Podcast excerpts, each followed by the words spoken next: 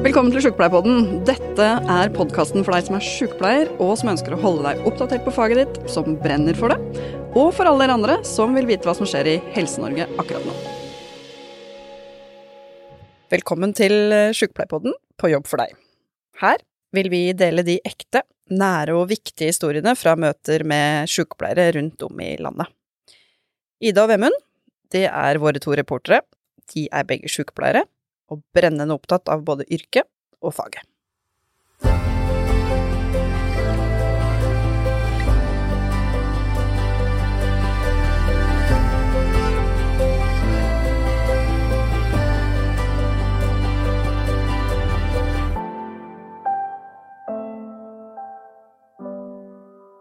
Velkommen til På jobb for deg. I dag så har jeg og Vemund fått besøk av en som heter June. Og hun er nyfødt intensivsykepleier og jobber da på Rikshospitalet. Så June, velkommen til deg. Tusen takk. du er uh, nyfødt intensivsykepleier. Kan ikke du fortelle litt uh, om hvorfor du valgte den retningen? Ja. Um, vi gikk jo på grunnutdanning sammen da vi var ferdig der, så hadde jeg egentlig en veldig hyggelig jobb i hjemmesykepleien i Nordre Aker, som jeg trivdes veldig godt i.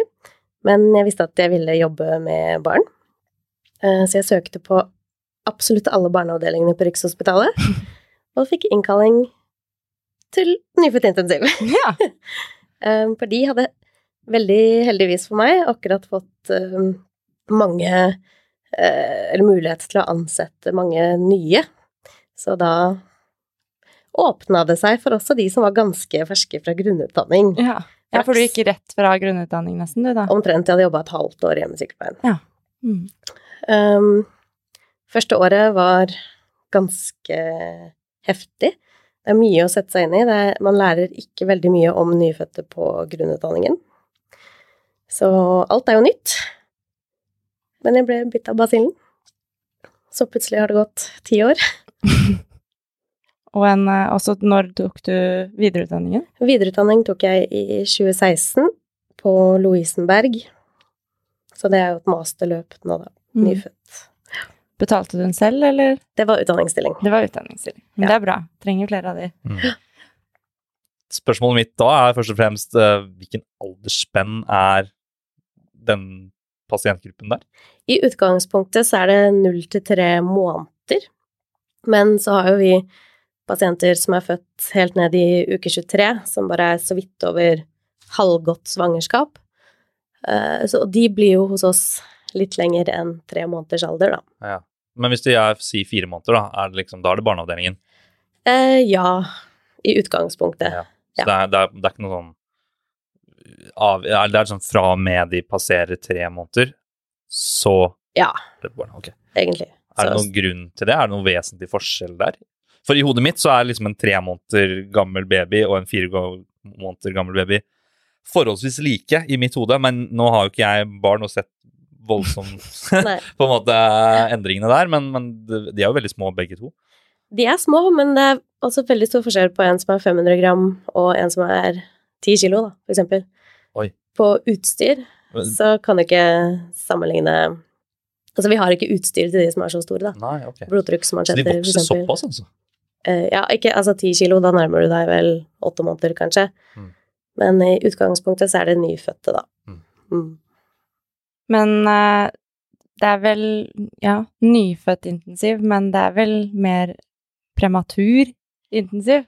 Eh, ikke nødvendigvis Nei. på vår avdeling. Um, på Rikshospitalet så har vi landsfunksjon for en del um, barn, f.eks. alle med medfødt hjertefeil. Og de er jo gjerne født til termin.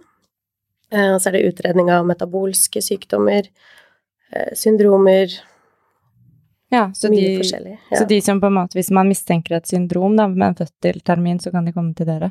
Ja, hvis det er noe som krever utredning. Ja. Mm. Så der ligger de hos dere.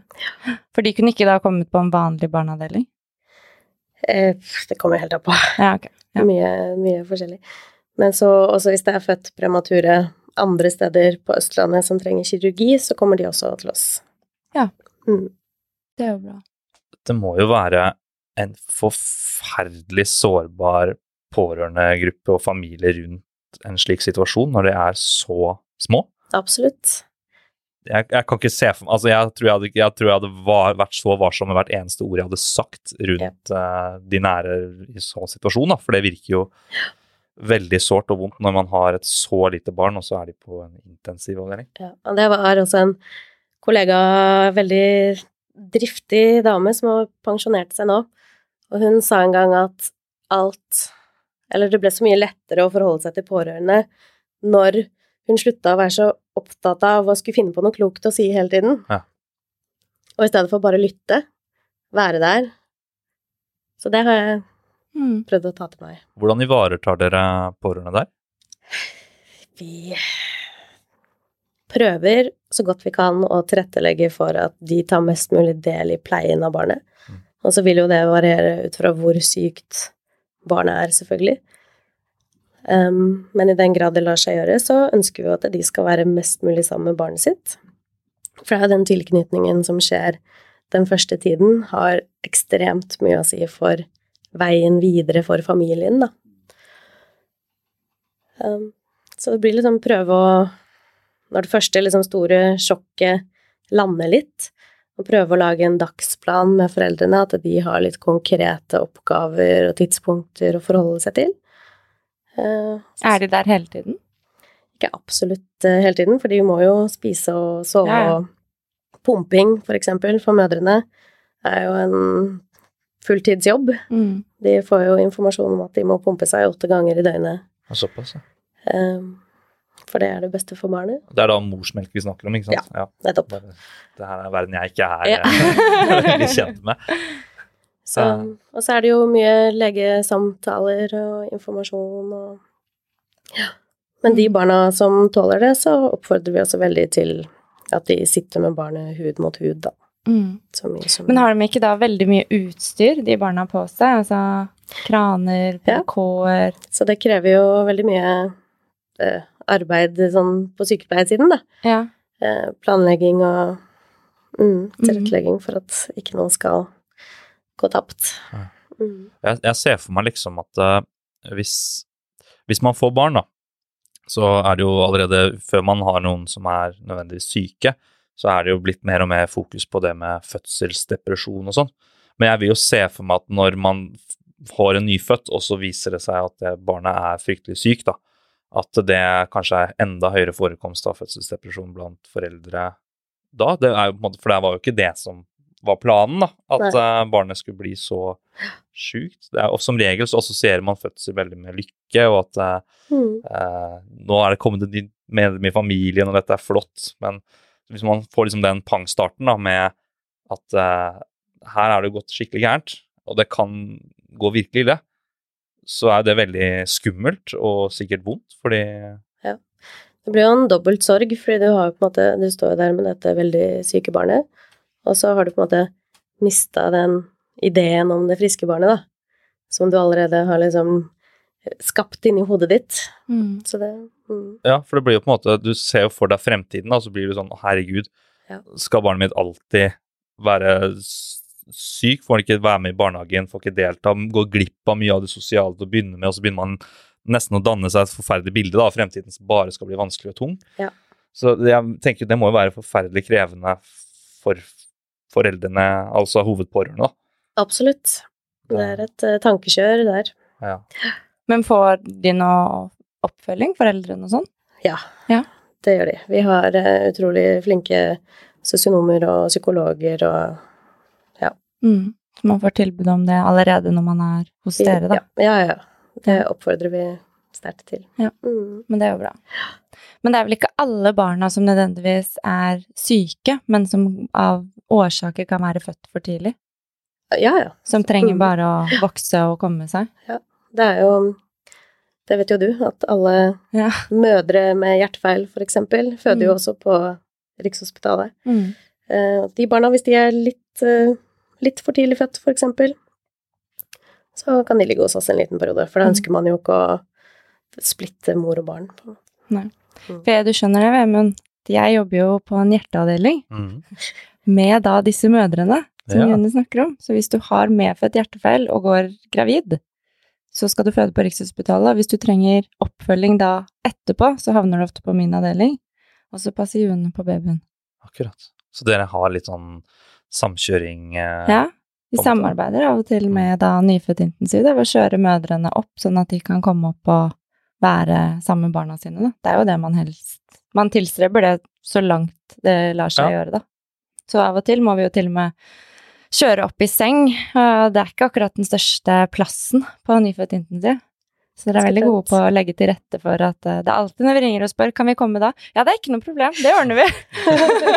Vi skal bare flytte 45 stoler og noen søppeldunker og Og ja, skal bare ordne og styre, så Ja, dere går nå? Ja, men det går helt fint. Ja. Veldig på tilbudssiden, da. Det er hyggelig å høre, da. Mm. Jeg vil gjerne gå litt tilbake til, eh, til eh, arbeidshverdagen deres. Eh, Åssen er bemanning? Dere har ganske god bemanning, har dere ikke det? Det er i hvert fall det jeg har hørt. Altså, ja. Um, stort sett så er det jo én til én på pasientene. Ja. Og relat... Eller innimellom to til én også. Det vil da si to sykepleiere på én pasient? Eh, og så har vi som regel sykepleiere som går i beredskap. Ehm, for det er jo mye mottak. Mm. Det er det som er hos oss at det, eh, pasient Altså, det, det snur så fort, da. Det kan være tolv pasienter når du kommer på dagvakt, og så kommer det syv stykker inn i løpet av to skift. Og det er jo noe med at du kan jo liksom ikke planlegge helt Nei. når damer skal føde. Det er rart, det der. Ja. Kommer litt mer uanmeldt. Mm. Kanskje de premature enda tidligere. Pluss at vi da tar imot fra hele landet, ikke sant. Så Så ser jeg for meg at dere har eh, fryktelig mye medikamentregning det har vi. eh, basert på vekt. da. Eh, I mye større grad enn på en måte veldig mye av medisinen eh, vi gir på akuttmottaket til voksne, er jo gjerne ferdigdosert og sånn standarddoser. da. Ja.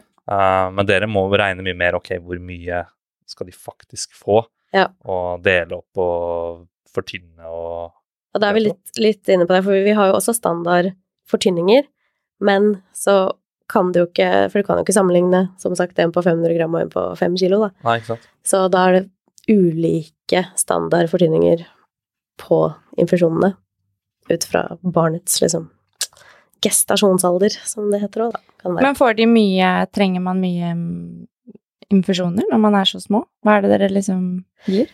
De som blir eh, ordentlig syke, holdt jeg på å si, kan jo ha tolv pumper gående samtidig. Helt. Adrenalin, noradrenalin, eh, mye blodprodukter, altså all mm, intravenøs næring. Da, da må jeg bare spørre, for det her er jo så små kropper det er snakk om. Ja. Hvordan i all verden får dere gitt alt det IV Legger dere venefloner? De må jo være bitte små. Ja. Og dere må vel ha, hvis det Nå bare tenker ja. ja. tolv pumper, da. Ja. Hvordan i all verden Dere bruker vel ikke én veneflon på Eller tolv pumper gjennom én veneflon? Nei, det går ikke. Så det må jo Eh. være fryktelig Det er marginalt, altså, å få lagt inn det. Veldig. Veldig. Føler meg, da føler jeg meg ute av mitt element. Ja. Det- Men det er, um, det er et godt poeng, fordi, og det er jo noe vi som sykepleiere har ansvar for òg, er jo å se hvilke medikamenter kan gå sammen, og hvilke kan absolutt ikke gjøre det. Så på en måte, hvis du gir Furix intravenøst samme fett, så klumper det seg, og gir eh, små blodpropper, ikke sant, det er eh, sånne type ting som vi må ha oversikt over. Furix av vanndrivende, altså. Ja. Sammen med at du driver IV-fett, rett og slett. Ja. Det er litt sånn For at de skal legge på seg, da, eller? mm. Så får man fett i huet. Nei takk, sier Men jeg. det er jo TPN, da. Total Parenteral Ernæring. Ja. Mm. Du har jobbet der i ti år. Er det noen ganger du tenker at i dag var det tyngre enn andre dager? Er det noen historier som sitter dypere enn andre? For dere må jo bli ganske kjent med folk hvis de blir der ganske lenge. Absolutt. Og det er jo selvfølgelig mange som jeg aldri kommer til å glemme. Ja. Og For blir dere liksom primærsykepleiere for jeg tror det var da jeg på en måte visste at jeg kom til å bli der, og det var vel egentlig første gangen jeg var hovedkontakt for en pasient, da. mm. Hvor du da liksom har ja, veldig god kjemi med foreldrene, og liksom kjenner barnet veldig godt og mm. Mm. Så Ja. Ja. Tar du med deg litt hjem? Altså, ja, det gjør man jo. Mm. Selvfølgelig. Både på godt og vondt, tenker jeg. Uh, man kan jo ta med seg ting hjem i en positiv forstand. At du kan få litt nye perspektiver på ting. Eh, selvfølgelig sette mer pris på det du har. Um, også på vondt innimellom òg, Mm.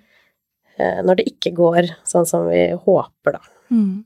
Så det er jo For er det mange barn som det liksom ikke går bra med?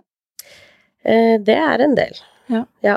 Men det går jo fint med de absolutt aller fleste. Mm. Så, men de det ikke går bra med, det, ja, Ja. det skjer jo det òg. Ja, det er ikke akkurat en bare bare å gå hjem etter en sånn type vakt når det ikke har gått bra, da. Nei. Men samtidig så Ja. Så tenker jeg det som jeg i hvert fall har hjulpet meg, er hvis det har vært en veldig heftig vakt, at de involverte liksom tar i hvert fall fem minutter før vi går hjem. At vi setter oss ned og liksom snakker gjennom hva som har skjedd. Sånn at du da ikke går hjem og liksom gransker har jeg gjort noe feil? Mm. Fordi det, det er en slippery slope. Mm. Ja. ja, det skjønner jeg. Mm. Kan ikke være bare bare. Men um, du har jo også gått gravid selv, da. Ja. Hvordan uh... Det anbefales ikke etter eh, åtte år på nyfødtintensiv på Rikshospitalet. Ja, det må jo ha på en måte vært litt uh, Du vet jo alt som kan gå gærent, da. Mm. Hvordan takla du det? Det taklet jeg med veldig mange ultralyder. Ja. Ja. For å sjekke at alt var bra? Ja. Nei, det var ikke noe gøy å være gravid. Nei. Og så følte jeg sånn Jeg har jo også gått gravid to ganger og vært liksom oppe på nyfødtintensiv og går der, og så er man ganske gravid. Mm. Og så går du der med de som har fått ja, veldig premature barn. Ja. Og da føler jeg meg så feilplassert. Ja. Altså, jeg føler sånn Her går jeg og er lykkelig gravid, liksom, mens Ja. dere Ja. skulle, Dere skulle sikkert ønske at det var dere, da. Ja, Også du som jobba der, på en måte. Ja, det var Jeg tror jeg var i uke 34 eller noe sånt, når jeg står liksom inntil kuvøsa, og da treffer jo magen Mm. liksom den glassveggen på kuvøsa. Og så kjenner jeg at babyen liksom sparker inn i veggen der. Ja. Og sånn hei, hei. Og så bare det du har i magen, er større enn det som ligger i Ja, det var veldig rart. Det må være spesielt. Veldig rart. Men det gikk jo bra med ditt svangerskap. Det gikk fint. Ja. Mm. Det er bra. Åssen er en uh, vanlig dag for deg? Sånn du kommer på jobb, og så har dere rapport, vil jeg anta? Eller? Ja, vi har først en um, kort uh, fellessamling, hvor vi alle som skal på vakt, uh, møtes, og så hvis det er noe spesielt som skal skje i løpet av dagen, så er liksom alle informert om det. Eh, transporter, altså hvis vi skal på ha et barn som er på respirator på MR, for eksempel, så er jo det noe som krever mye organisering. Mm. Um, så da kan vi liksom planlegge litt i fellesskap. Og så går vi inn og får rapport eh, av nattvakta. Eh, ja, og da går vi jo Vi har jo sånne rapportskjemaer hvor vi går gjennom respirasjon, sirkulasjon, ernæring hele veien nedover. Eh, går gjennom alle infusjoner, medisiner. Så er det egentlig bare å starte. Ja. Så ofte så ligger de jo på respirator, så da er det jo å sjekke tubestand. Du har jo liksom en halv centimeter med slingringsmonn for at den tuben skal sitte bra. Mm. At den ikke går for dypt ned, eller Herregud, det er som å marginere jobben. Jeg blir stressa bare av å høre på det, egentlig. Det er, for det er, så, det er så lite mennesker, da. Jeg er mye vant til at pasientene er mye større, på en måte, Ja. og de tåler litt mer ofte. mm. Så det, det er liksom Jeg føler feilmarginen er så liten Ja. at uh, det er liksom så lite skal til før man virkelig gjør noe alvorlig gærent. Du skal vite hva du driver med, altså. Når det, krever, det krever mye mm, mengdetrening, rett og slett. Ja. men er, eh, opplæring der får Jeg regner med at det er ganske lang opplæring om man får god informasjon? Ja, nå er det sånn trainee-program Ja. med ja, ish et halvt år, da. Og da um, er det jo litt avhengig av hva slags erfaring folk har fra før. Men eh, når du er ferdig med de seks månedene, så tror jeg du i hvert fall skal ha CPAP-kompetanse, altså non-invasiv pustestøtte. Og så blir det respiratorkompetanse kanskje et år eller to år etter det. Eh, og så til slutt sånn høyfrekvent og NO-gasskompetanse. Så du har alt det du nå, da? Eh, ja. Ja. Mm. Det tok vel kanskje fem år eller noe. Fem-seks år. Ja, så Mm. nå kan du stå på de dårligste, eller de som har mest utstyr, da, av barna, på en måte. Ja. Åh, Vemund, Hæ? frister det? Oppriktig, nei, del. Men det, jeg, jeg, jeg er veldig ukomfortabel med barn, som jeg sa til dere tidligere. Så i min prioritering, da, hvis jeg får barn på min liste på akuttmottaket, så er det barn, og så ABCDE. Eh, som egentlig er helt feil, for du skal jo alltid følge ABCDE, at du jobber med liksom luftveier først. Men jeg har alltid i bakhodet hvis jeg har en barn på akuttmottaket, at jeg må få ordna det barnet så ikke det blir værende her på akuttmottaket. For det er så mye traumatisk å se og høre hos oss, da. Ja. Eh, og, og de har en helt annen kroppsvekt, så jeg må tenke helt annet i forhold til dosering av medikamenter. Uh, og det stresser meg, for jeg begynner med ikke, ikke bare dobbeltkontroll, men trippelkontroll, kanskje fire ganger kontroll, for å være 100% sikker på at det jeg gjør nå er riktig, selv om det egentlig bare er en Ibux. Eh, Det er på en måte, Jeg får helt noia, da, av, og de er så uforutsigbare, for du kan ikke helt stole på Vel å merke er disse barna litt større da, enn en nyfødt intensiv, men jeg, jeg kan liksom aldri 100% stole på at det de sier er riktig, fordi barn uttrykker seg annerledes enn voksne. Ja. Uh, og, og så blir det jo gjerne foreldre involvert, som er fryktelig fryktelig bekymra. så man skal på en måte vite veldig godt hva man gjør. Og barn Jeg syns det er en vanskelig pasientgruppe, altså. Ja. Eh, Og så av de nyfødte, det er jo, må jeg si, en veldig spennende pasientgruppe, fordi det er så utrolig variert. Mm. Um, de forteller deg jo ingenting, men det gjør jo ikke intuberte og sederte intensiv voksne heller. Nei, det er sant. Mm. Så du er jo helt avhengig av det kliniske blikket ditt, da. Og de bitte små endringene i puls, eh, volumer på respiratoren, altså væskebalansen. Og det handler om å liksom følge med og være i forkant hele tiden. Og det er veldig gøy, faktisk. Mm. Mm. Du får være litt sånn detektiv. Ja. Samtidig så må det vel føles ganske meningsfullt når, når det går bra, da. At Helt man har klart. klart å snu Ja. noe så sårbart til, vet du hva, nå, her går det riktig veien. Nå Mm. blir eh, Ser ut til at eh, det her skal gå fint. Ja, det er helt uh, fantastisk. Men dere er vel mye også sånn, dere tar mye én dag av gangen, eller en time om gangen mange ganger, Ja. ser jeg for meg. Så det er ganske Hvis du har hatt en veldig syk baby på en fredag, for eksempel, og ikke skal tilbake på jobb før på mandag eller tirsdag, så enten så kan de ha liksom blitt helt fine og reist til lokalsykehus omtrent, eller så kan det jo gå andre veien òg. Så det er sånn, du vet liksom aldri. Nei, helt hvordan det går, nei.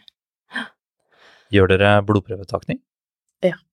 Hvor, Hvor? eh, Det er det jeg lurer på nå, Ja. er først og fremst hvor.